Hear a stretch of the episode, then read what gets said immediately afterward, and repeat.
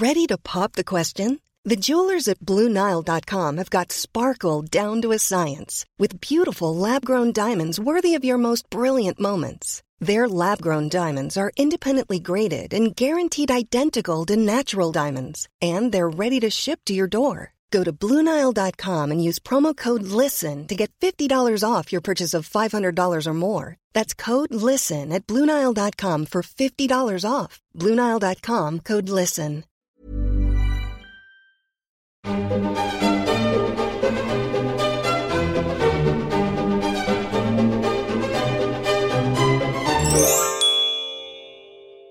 Hej och välkomna till Kungligt. Med Jenny Alexandersson. Och Sara Eriksson. Prins Philip han har förts till sista vilan och fick den där nedtonade begravningen med personliga inslag, precis som han själv önskade. Vi ska prata om detaljerna som genomsyrade prinsens begravning och det faktum att hans tyska släkt fick närvara trots att de inte var välkomna vid prinsens bröllop. Drottning Elisabeth hon har fyllt 95 år, men firandet blev ju ganska så nedtonat i år, precis som mycket annat som har planerats det här coronaåret. Men nästa år så kommer vi se ett storslaget firande av drottningen och det ska vi prata mer om. Och vi ska också prata om eh, prins Harry som eh, tog sig till Storbritannien för att vara med vid begravningen av sin älskade farfar. Men också att han snabbt som ögat satt sig på ett plan tillbaka till USA. Och en stor snackis det var ju såklart brödernas första möte efter det här skandalomsusande året. Och vad sa de egentligen till varandra och vem är det som agerar fredsmäklare mellan dem? Det ska vi analysera. Det ska vi analysera och vi ska även prata om att en kvinna har brutit sig in hemma hos prins Andrew efter att ha lyckats lura sig förbi vakterna. Och så ska vi även prata om att svenska prinsessan Birgitta medverkar i en dokumentär där hon berättar på ett väldigt avslappnat och personligt sätt om uppväxten på Haga slott och den där otippade ungdomskärleken. Och eh, i veckans avsnitt av Kungligt så får vi höra prinsessans egna ord om den här romansen. Mm. Men vi börjar att prata om prins Philips begravning. Det ligger ju ungefär en vecka tillbaka i tiden. Men det hände så otroligt mycket. Och vad, Sara, vad, vad var ditt första intryck av, av begravningen? Ja, men det var just det här att eh, prinsen, eh, många så detaljer genomsyrade begravningen där det var så tydligt att det var prinsens egna önskan att, att det skulle vara med på plats. Så det var, det var ju en begravning i, i enklaste laget i och med att det var så få som närvarade men samtidigt så var det sån, sån kraft och sån känsla i den. Det är väl mina, mm. mina tankar. Vad tänker du? Mm, jag håller med dig i allt det där. Jag, jag tänker eh, extra mycket på de här inslagen som prinsen hade önskat själv och som man såg ut med eh, den här processionsvägen och in i kyrkan. Men, och, åh, vi ska prata om detta.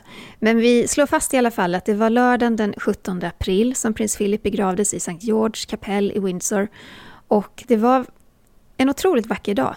En, en härlig vårdag med solen högt på himlen och eh, det var väldigt eh, fint att se familjen följa honom till sista vilan i en väldigt gripande och vacker ceremoni.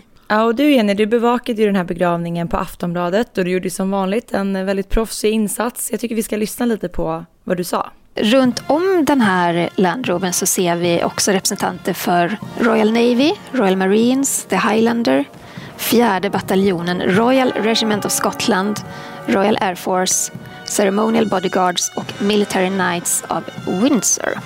Och det är ju också ett väldigt fint eh, en fin gest mot prins Philip som hade en lång karriär inom det militära. Och för honom var det här väldigt viktigt med, med de här inslagen. Ja, vad betydde hans militära karriär för honom? Från början när han var ung så betydde det allt. Det var ju mm. det han såg framför sig i livet att han skulle ägna sig åt. Och ganska så abrupt 1952 när eh, drottning Elisabeths pappa dog och drottning Elisabeth då skulle ta över. Mm. Då, fick han ju, då fick han ju bara helt enkelt lägga ner allt sånt där. Han har fortfarande varit engagerad men då har det handlat om hederstitlar och hedersuppdrag. Det måste ha varit full rulle för dig den dagen Jenny. Det var mycket att prata om och eh, en lång sändning. Ja, eh, men det var, väldigt, alltså det var väldigt intressant att följa begravningen och, och eh, Ja, tack för att du sa att det var en proffsinsats. Ibland så, ibland man ställer sig i studion och eh, nu hade jag kunnat göra research och läsa på, men, men ibland så sker det också lite spontant som just då när den dagen när prins Philip eh, avled. För då var ju både du och jag liksom på fem minuter redo att börja prata om det här och då är man ju inte lika förberedd. Men då får man vara glad att man har mycket i huvudet och är lite arbetsskadad så man kan eh, hoppa in. Snabbt växla in på det här ämnet, ja men precis. Mm. Men inne på slottets innergård så spelades ju musik av så militära toner när, när den här specialbyggda Land Rovern som vi pratade om redan i förra veckans avsnitt anlände. Det här var ju en bil som prins Philip själv började designa redan 2003, samma år som han fyllde 82. Och eh, prinsen ska ju faktiskt flertalet gånger ha skämtat med drottning Elizabeth och sagt så här, just stick me in the back of a Land Rover and drive me to Windsor. Och det var ju precis det som, som skedde också. Han önskade det och han fick föras till den sista vilan i kapellet i Windsor eh, i den här gröna och välputsade bilen. Mm, jag tycker det var väldigt fint att se. Prinsens kista bars ut av åtta medlemmar från Royal Marines och det har ju också en koppling till prins Philip för att han gjorde ju en karriär inom marinen. Och de placerade kistan på Land Rovern och sen fördes den då till St. George kapell. Och det var också så fint att se att kistan var då insvept i prinsens standard eller flagga som symboliserade prins Philip med eh, fyra olika delar. Dels den grekiska flaggan som står för hans grekiska ursprung. Dels tre lejon som symboliserar Danmark, hans danska ursprung. Och eh, en del med svartvita linjer som symboliserar familjen Mountbatten. Och sen den sista delen, det var en bild av ett slott. Och det symboliserar prinsens hertigdöme Edinburgh. Och i samband med bröllopet då mellan eh, prins Philip och eh, då prinsessan Elizabeth så tilldelades ju eh, Philip ett svärd av sin svärfar, kung George VI. Och det här svärdet var då placerat på prinsens kista och det var även prinsens amiralshatt. Så där fanns det också mycket symbolik i, i mm. hans karriär inom marinen och så vidare. Och ovanpå kistan så kunde vi se en vit vacker blomsterkrans placerad och det var kransen från hans hustru drottning Elisabeth.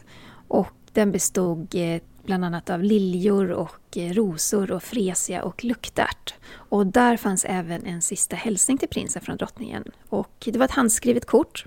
Och det var kort, men det var kärleksfullt. Det stod “In loving memory” och så var det undertecknat Lillebett. Och det var ju prinsens och familjens eh, smeknamn på hustrun. Det blev så himla mm, kraftfullt det där att liksom för första och sista gången så var det prins Philip som gick före drottningen. Mm. Eh, kistan fördes ju då på den här specialbyggda bilen och därefter så gick ju då prins Charles, prinsessan Anne, prins Edward, prins Andrew, prins William, prins Harry och eh, Peter Phillips i följe. Eh, och drottning Elizabeth hon kördes ju då sist i processionen i sin bil tillsammans med sin hovdam. Eh, och Peter Phillips kan vi säga, det är ju prinsessan Annes son, eller Ja, precis. Men det var bara så fint just att det var eh, att drottningen gick bakom Philip och jag vet att BBCs expertkommentator som, som följde den här begravningen, han sa just det att för första och sista gången så går prins Philip, eller är prins Philip framför drottningen. Jag tycker mm. det, är så, det är så mycket kraft i de orden. Ja, och lite, lite ödesmättat mm. ändå också. Mm. Eh, man kunde också se prinsens två hästar med tillhörande vagn som stod parkerad på innergården och eh, processionen passerade ju den här vagnen och hästarna. Mm. Och där såg vi ytterligare symboler för prins Philip. Bredvid kusken så låg eh, prinsens handskar, hans basker, en filt och så en liten röd burk. Och den här röda burken den hade Philip alltid med sig när han var ute och körde hästspann. Och där förvarade han då sockerbitar som han brukade belöna hästarna med efter körning. Och eh, som sagt, det här ekipaget det var ju placerat så då att eh, eh, prins Philips kista passerade dem i processionen.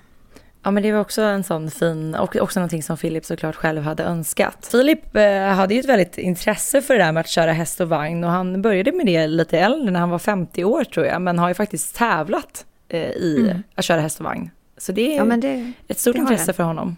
Ja, och eh, ceremonin inne i kapellet det inleddes med att kyrkokören sjöng Eternal Father, strong to save. Och det är en sjöfararhymn kan man väl säga som hedrade prins Philips tjänst i flottan. Och kören sjöng i ett angränsande rum med tanke på risken för smittspridning. Man var ju väldigt noga med sådana grejer under hela den här dagen och det är ju bra såklart. Det är jättebra. Jag tror också att det är väldigt viktigt att, att alla som tittar på den här begravningen, eller följer begravningen också ser att att även kungligheterna följer de regler och restriktioner som, som vi har nu. Eh, just mm. för att alla måste hjälpa till att bidra den här eh, smittorisken. Så det, det var ju också därför som det endast var 30 gäster som närvarade och alla bar ju även munskydd och satt med ett väldigt stort avstånd till varandra. De hade ju liksom stora bänkar och bänkrader för sig själva. Mm. Vi har inte hört så mycket reaktioner från själva den innersta familjen kring det här och det har man ju stor förståelse för. De, de är ju i sorg och Eh, har ju ingen anledning att prata om det utåt. Men faktum är att Mike Tyndall, han är ju gift med prinsessan Annes dotter Sarah. Han har en podcast som heter The Good, The Bad and The Rugby. För han är ju rugbytränare. Och han har faktiskt sagt väldigt fina saker om begravningen och vi kan väl lyssna på det. A remarkable event to watch, to be there. Yeah, look, it's been a difficult 10 days and if I look back on the the day I think as eerie as it was, but with no crowds and and the social distancing and the way everything was, I think it was the perfect day for what how he would have liked it.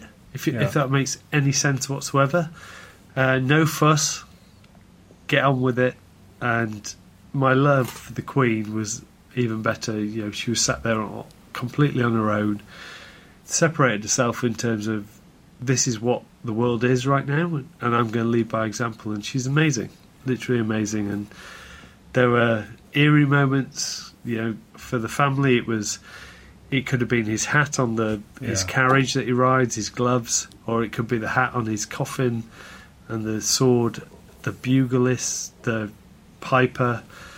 There were a lot of things that brought home memories, and um, it was it was a sad day, but you know I think it was a very well run and very well, he was very well looked after. Han berättade bland annat att det var konstig stämning i familjen, eller alltså sorglig stämning, när de fick syn på alla de här detaljerna som påminde dem om prins Philip. Och det kunde ju vara hans hatt, eller hans handskar, eller hans hästar. Och han, han säger också att han, han är väldigt imponerad och han älskar drottningen väldigt mycket för att hon så strångt eh, satt själv i bänkraden och eh, ja, men klarade av den här dagen så himla bra. Ja, det var väldigt hjärtskärande att se drottningen sitta där ensam på kyrkraden där hon så många gånger har suttit bredvid prins Philip. Mm. Eh, det kan inte sen, ha Sen såg man ju att, eh, eh, för jag vet att de här bilderna var ju väldigt talande, men sen såg man ju sen då när ceremonin skulle starta att det var väl Edward och Sophie och prins Harry satt väl på samma bänkrad fast väldigt långt bort mm. sen. Precis. Ja. Men just att där, när man zoomade in på drottningen så såg hon så, så ensam ut där. Och det är klart, hon måste ju också hålla avstånd, men det var, det var hjärtskärande.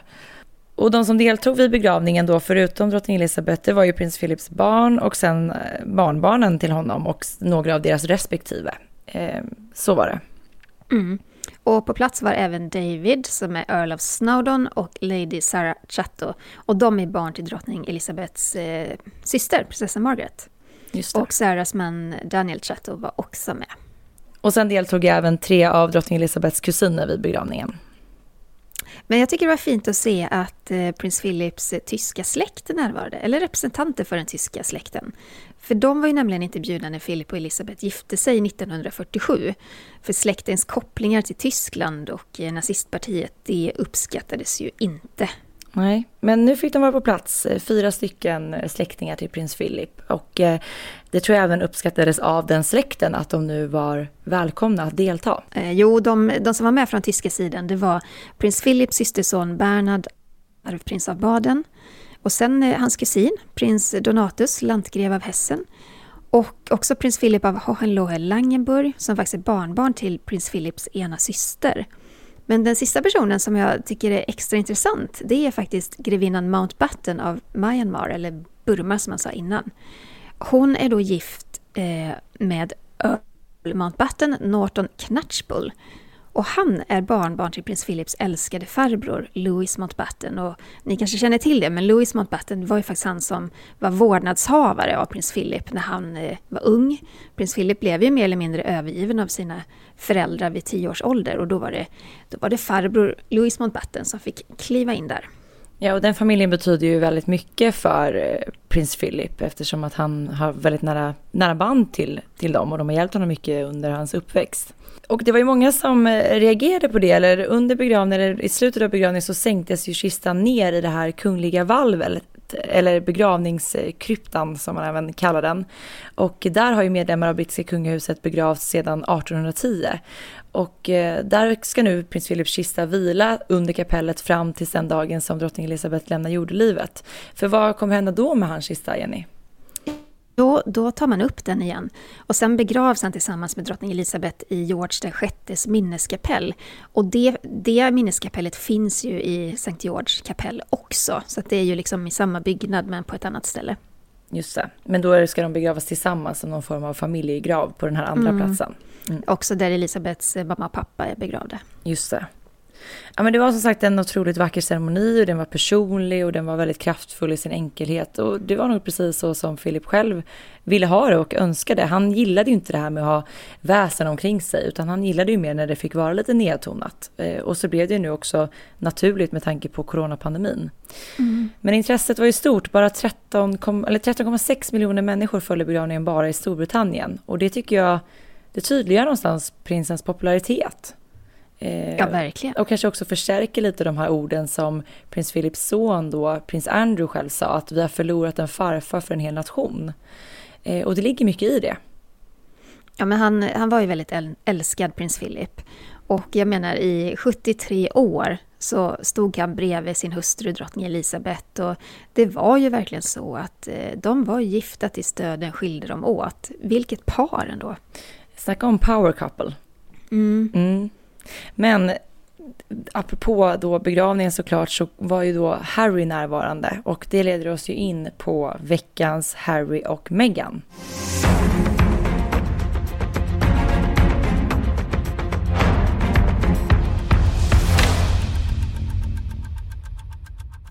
Ja, prins Harry han reste ju eh, från USA till London för att vara med på sin farfars begravning. Och det var ju en stor snackis såklart, för att det här var ju första gången som familjen enades och samlades sedan Harry och Meghan lämnade Storbritannien i början av 2020.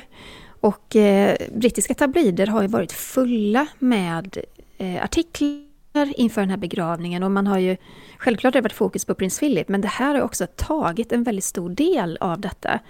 Eh, så det är inget konstigt att prata om. Jag vet att det var någon väldigt arg man som mejlade mig efter att jag hade skrivit om, jag skrivit en kolumn om prins Harry och eh, William på begravningen.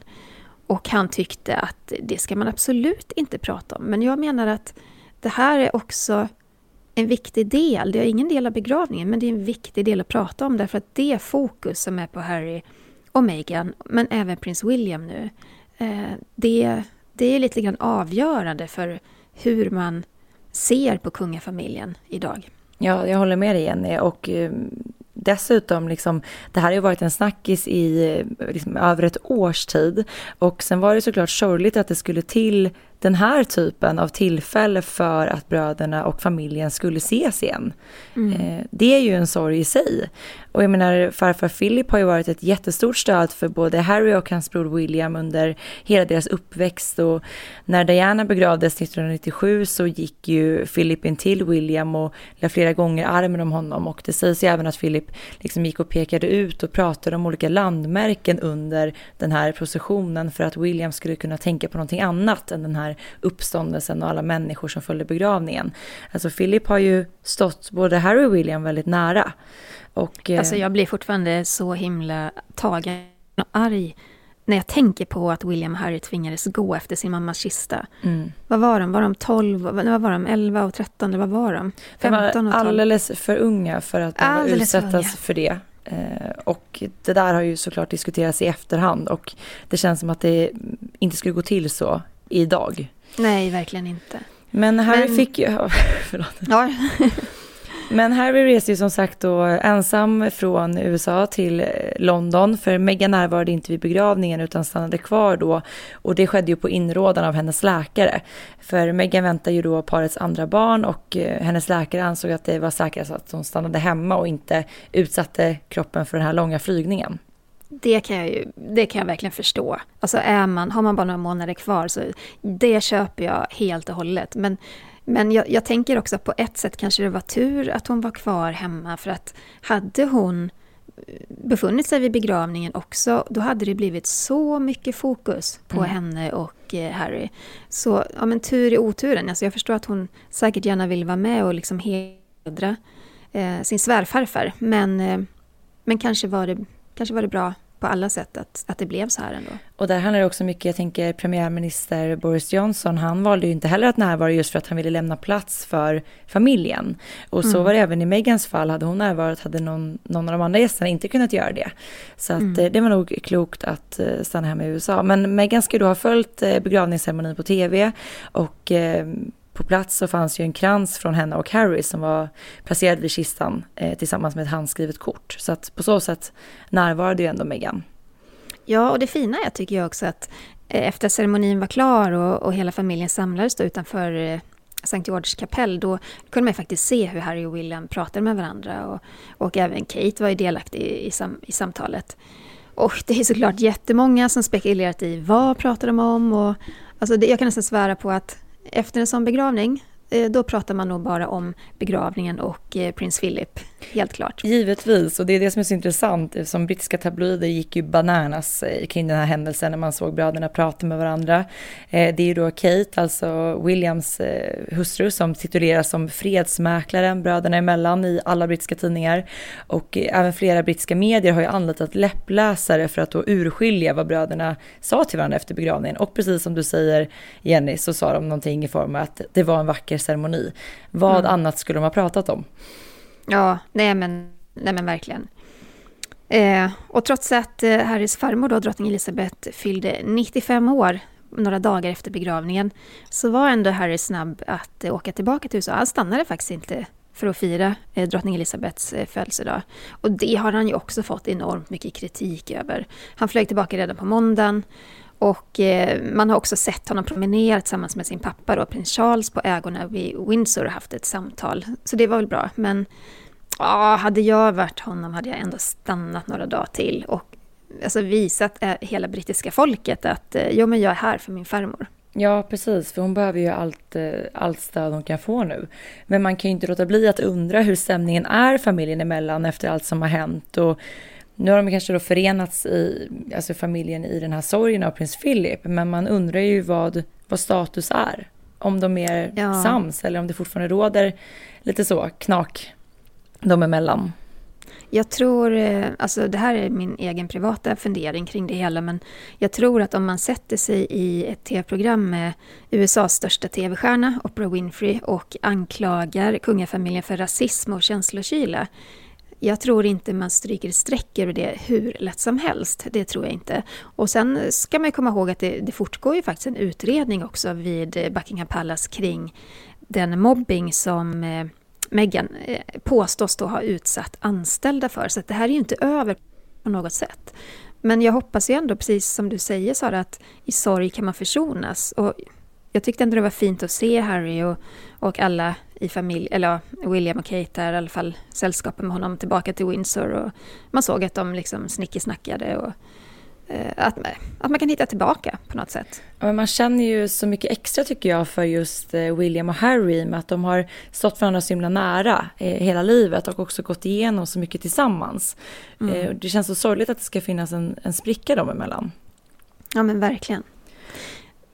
Men om vi fokuserar på drottning Elizabeth och hennes födelsedag. Hon fyllde ju som sagt 95 år den 21 april. Och vanligtvis så firas ju drottningen med ett eh, privat firande på födelsedagen. Man, man skjuter salut i centrala London och i Hyde Park och i Windsor och The Tower of London. Men eh, precis som förra året så har då drottningen valt att ställa in den här saluten och det är ju med hänsyn till pandemin och eh, ja, hon tycker väl inte det känns lämpligt att skjuta kanoner helt enkelt. Nej. Hon, hon sörjer ju fortfarande prins Philip. Ja, exakt. Eh, men troligtvis så kanske Elisabeth då träffade den närmsta familjen på födelsedagen för en något lite mindre privat, kanske en lunch på Windsor eller något liknande. Mm. För vi vet ju det att drottningens officiella födelsedag den firas ju alltid eh, andra lördagen i juni. Och det är ju den här traditionen som sträcker sig mer än 280 år tillbaka i tiden. Eh, då George den andra föddes i november allt som oftast grått och regnigt i Storbritannien och han införde då traditionen att den sittande monarken ska firas med så angenämt väder som möjligt. Och det var väl klokt då att flytta det till, till sommaren. Eller hur? Ja, ja och uh, Trooping the Color är ju en riktig folkfest och det är en väldigt mäktig uh, parad och uh, ja, men hela kungafamiljen samlas ju då och åker kortege med häst och vagn genom Londons gator för att sedan samlas på balkongen på Buckingham Palace för att vinka till folket och ta del av den här flyguppvisningen. Och även det har ju faktiskt hovet meddelat att det blir inställt i år på grund av pandemin. Mm. Så det är två år av inställda firanden för såväl vanliga människor som kungligheter. Ja, men den som väntar på något gott. Två år av inställda, inställda födelsedagsfiranden och coronarestriktioner. Jo, det har vi ju upplevt. Men nästa år så räknar man med att få fira dubbelt. För år 2022, då har ju drottningen suttit 70 år på tronen och det ska firas med Life is made up of many gorgeous moments. Cherish them all, big and small, with Blue Nile. Whether it's for yourself or a loved one, Blue Nile's unrivaled selection of expertly crafted fine jewelry and statement pieces help make all your moments sparkle. Blue Nile's experts are on hand to guide you, and their diamond guarantee ensures you get the highest quality at the best price. Celebrate a life well lived in the most radiant way and save up to 30% at BlueNile.com. That's BlueNile.com. En fest i fyra dagar med pompa och ståt och underhållning av yppersta klass har det utlovats.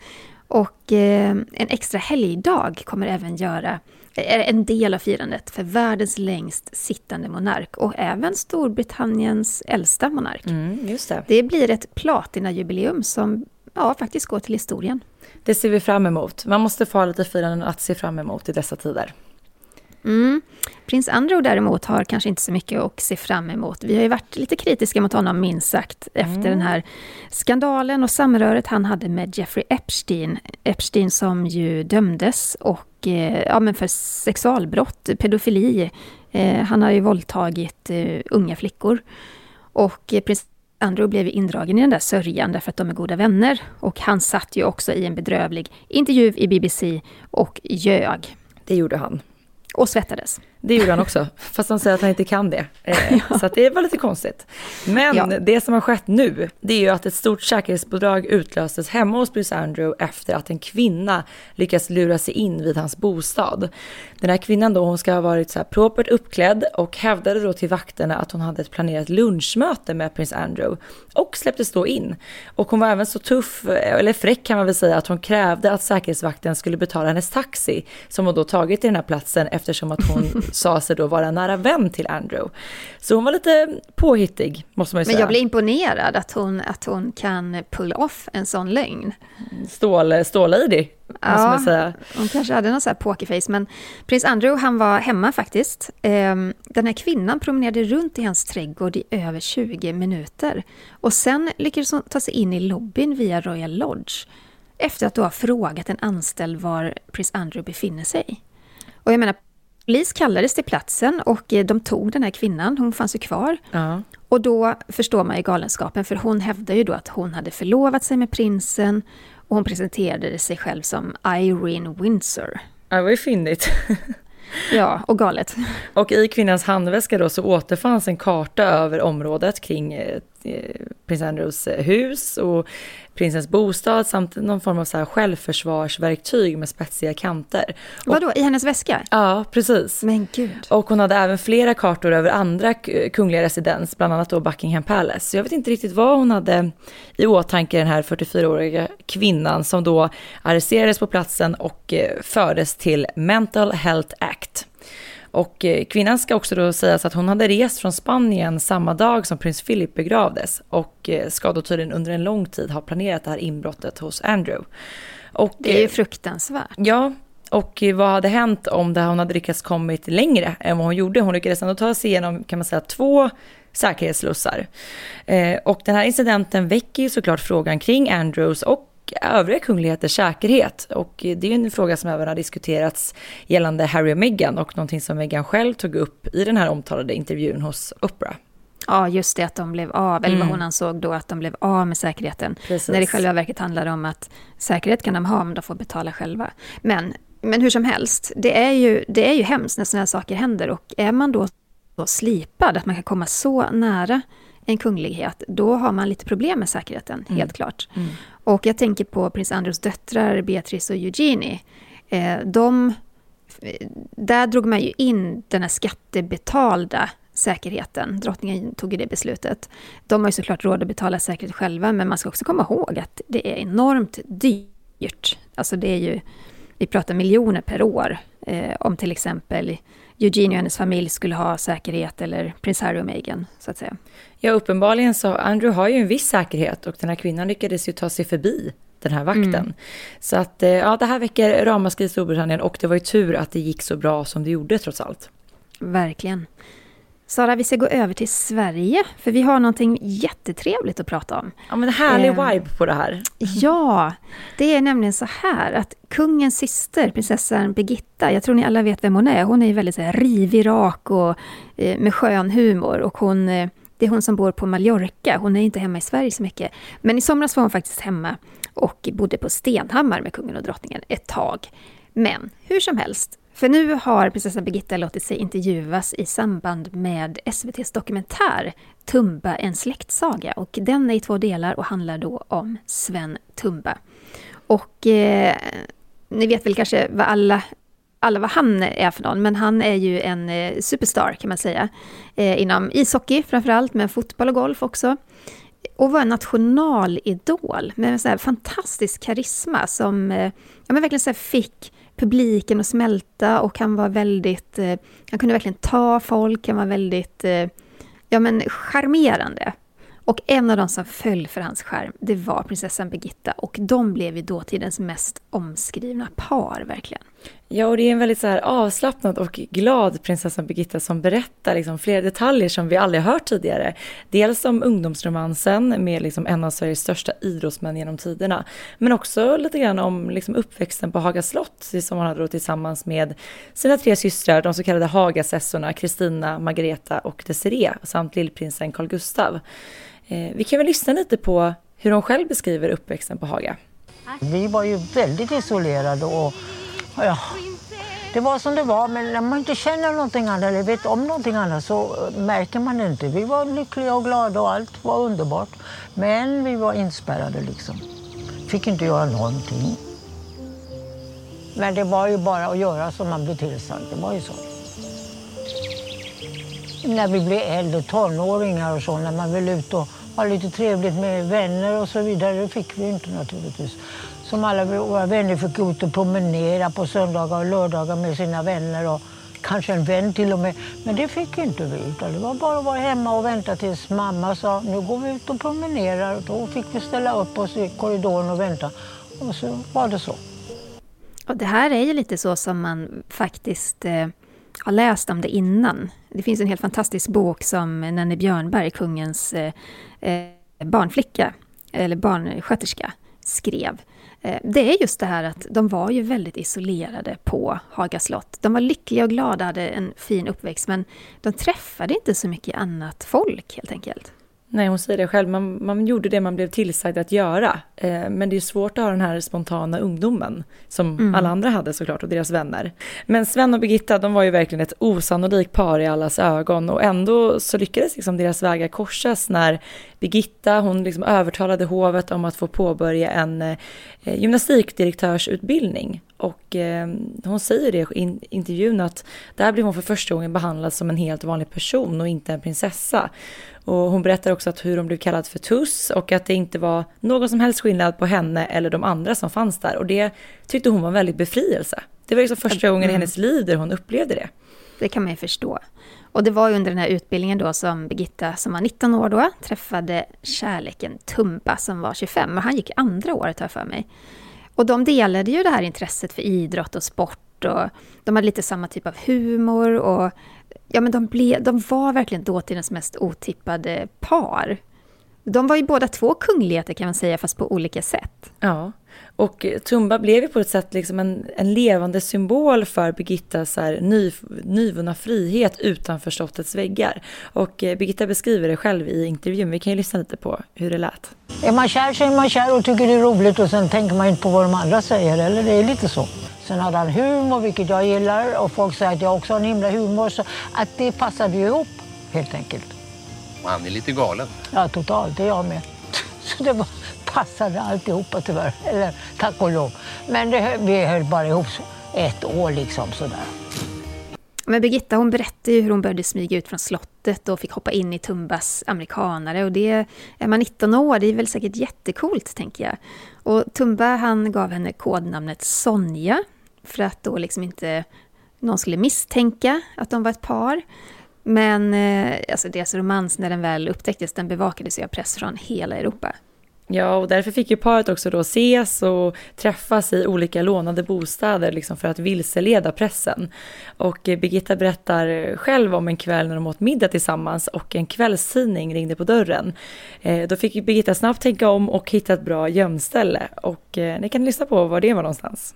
Då var jag tvungen att gå och gömma mig i en garderob. Ja, men det var ju inte så farligt. Där satt jag väl tio minuter så var det över. Så. Det var bra med det. Jag vet inte vad de snackade om, men i alla fall. Det stämmer. Ja, ja. Så, såklart, det väcker uppmärksamhet över, över hela Europa då. Och då kan man undra hur reagerade hovet på det här? Men i dokumentären då eh, så berättar Birgitta att hon hörde aldrig något från dem eller från familjen. Det nådde aldrig henne i alla fall. Eh, men det är klart att det, det är klart att det pratades bakom hennes rygg. Mm. Såklart. Det kan man ju tänka sig. Men det som också är en lite rolig detalj är att samtidigt som prinsessan var liksom upp över öronen förälskad i den här mannen då så började också en annan familjemedlem i kungahuset att få upp ögonen för denna idrott, eh, idrottsfantast. Och det är ju då Birgittas lillebror, lillprinsen Carl Gustav. Han deltar ju gärna på läktaren när Tumba spelar och det dröjer inte länge innan liksom lillprinsen får privatlektioner eh, i ishockey av Tumba själv. Härligt. Mm. Men trots den här sprudlande romansen då så visste Birgitta att nej, men Tumba kunde inte bli prins. Eh, deras romans varade bara ett år, för sen gick ju Tumba ur skolan liksom. Och, eh, men han hade faktiskt lite storslagna planer gällande Kungliga slottets borggård. Så här sa han. Tänkte ni någon gång att det kunde bli en fortsättning? Nej, egentligen. Det tror jag inte. För jag visste hur det bara fungerar inte. Nej, det tror jag inte. Tumba som prins? Nej, jag tror inte det hade varit så lyckat. Men han hade kanske önskat det, för han ville ju spola Borggården som ishockeyrink där. Men det var ju bara hans idé, han skojade om det. Men, men nej, nej, nej. Ja, men det hade ju varit något väldigt eh, flott ishockeyrink, tänker jag. Och spola hela Borggården, stor mm. framförallt. ja, åren gick och både Tumba och Birgitta de träffade ju nya kärlekar i livet. Men eh, Sen hände någonting hösten 2011. För Birgitta får en känsla av att hon måste ringa till Tumba, till sin goda vän. Och det gjorde hon. Jag hade en konstig känsla att jag var tvungen att ringa till honom.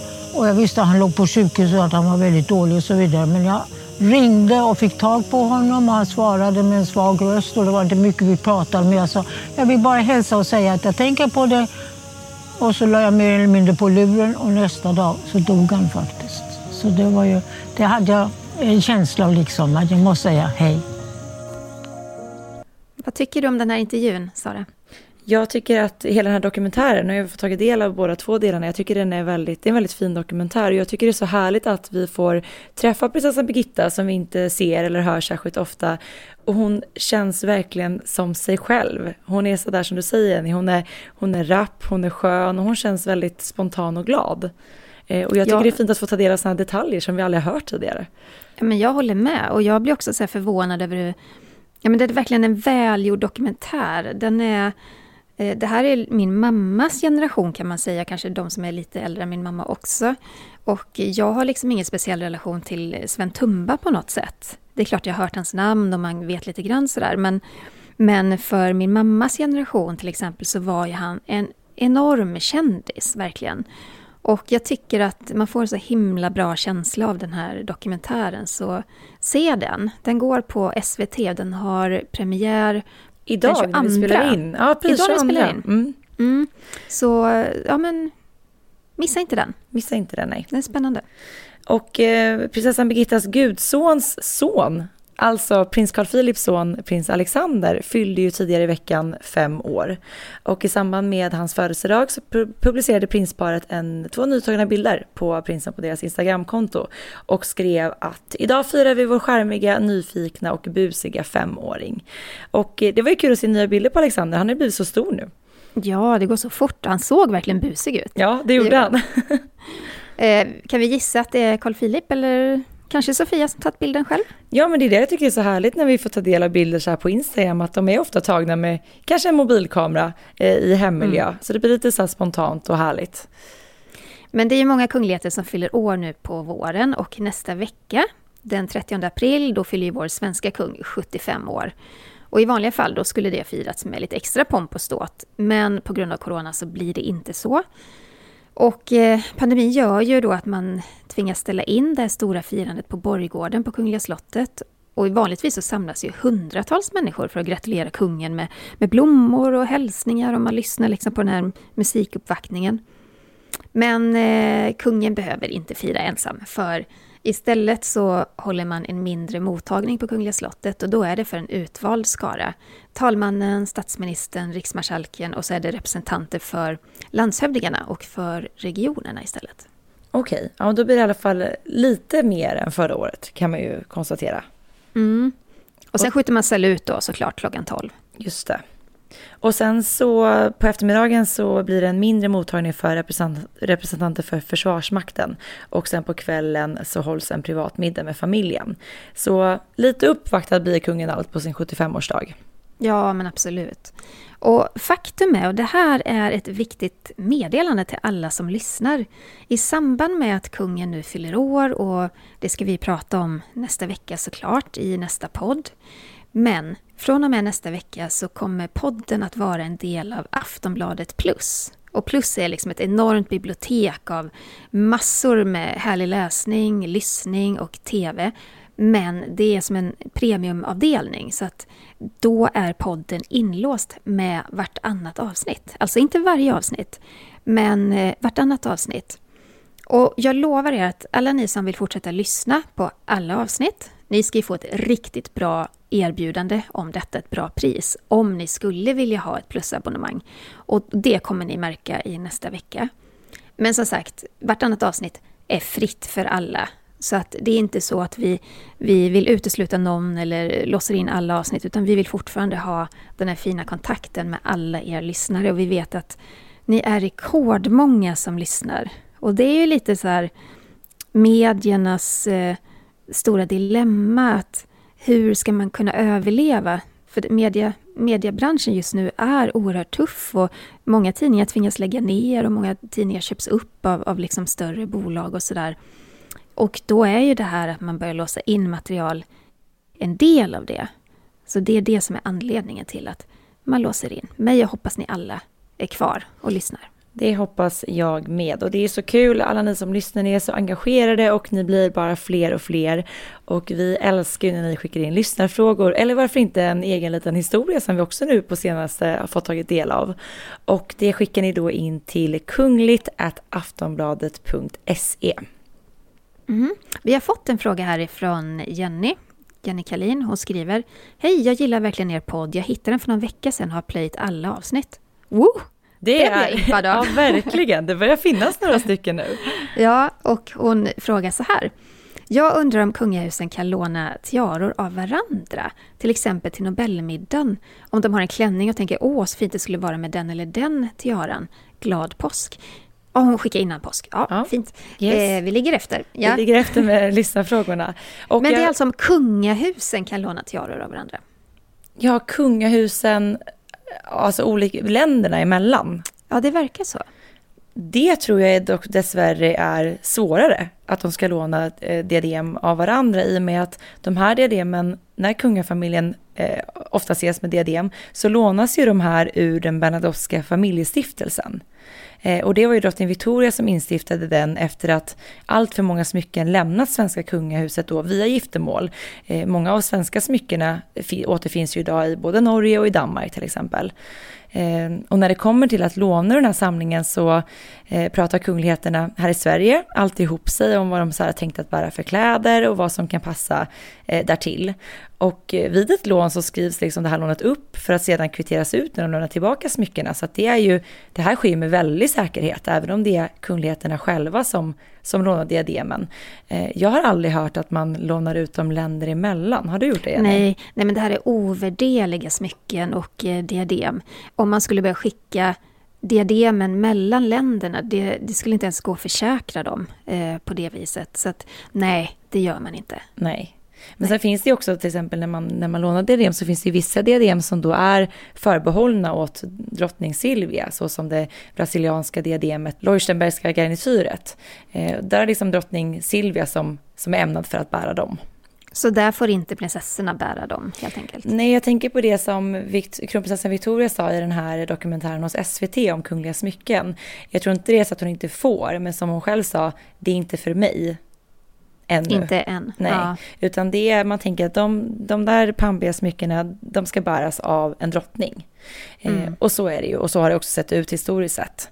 Eh, men sen finns det också vissa smycken som man då titulerar som privata smycken och det är ju då just kungafamiljens privata ägor. Eh, och de utgör inte en del av den här Bernadottska familjestiftelsen. Så det är lite olika beroende på vilka smycken man pratar om. Mm. Bra svar. Men glöm inte, kära lyssnare, att följa oss på sociala medier, för där uppdaterar vi varje dag. Sara, vart finns du? Royalistan.se och var hittar man dig, Jenny? Främst på Instagram och där heter jag Kungligt med Jenny.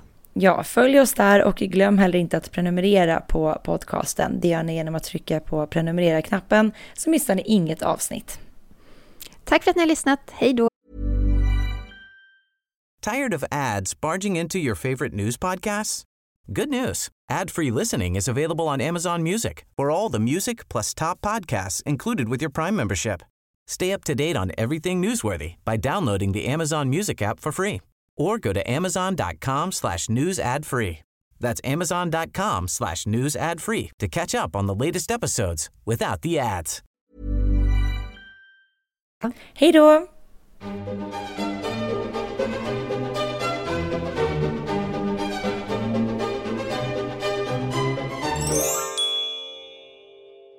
Du har lyssnat på en podcast från Aftonbladet.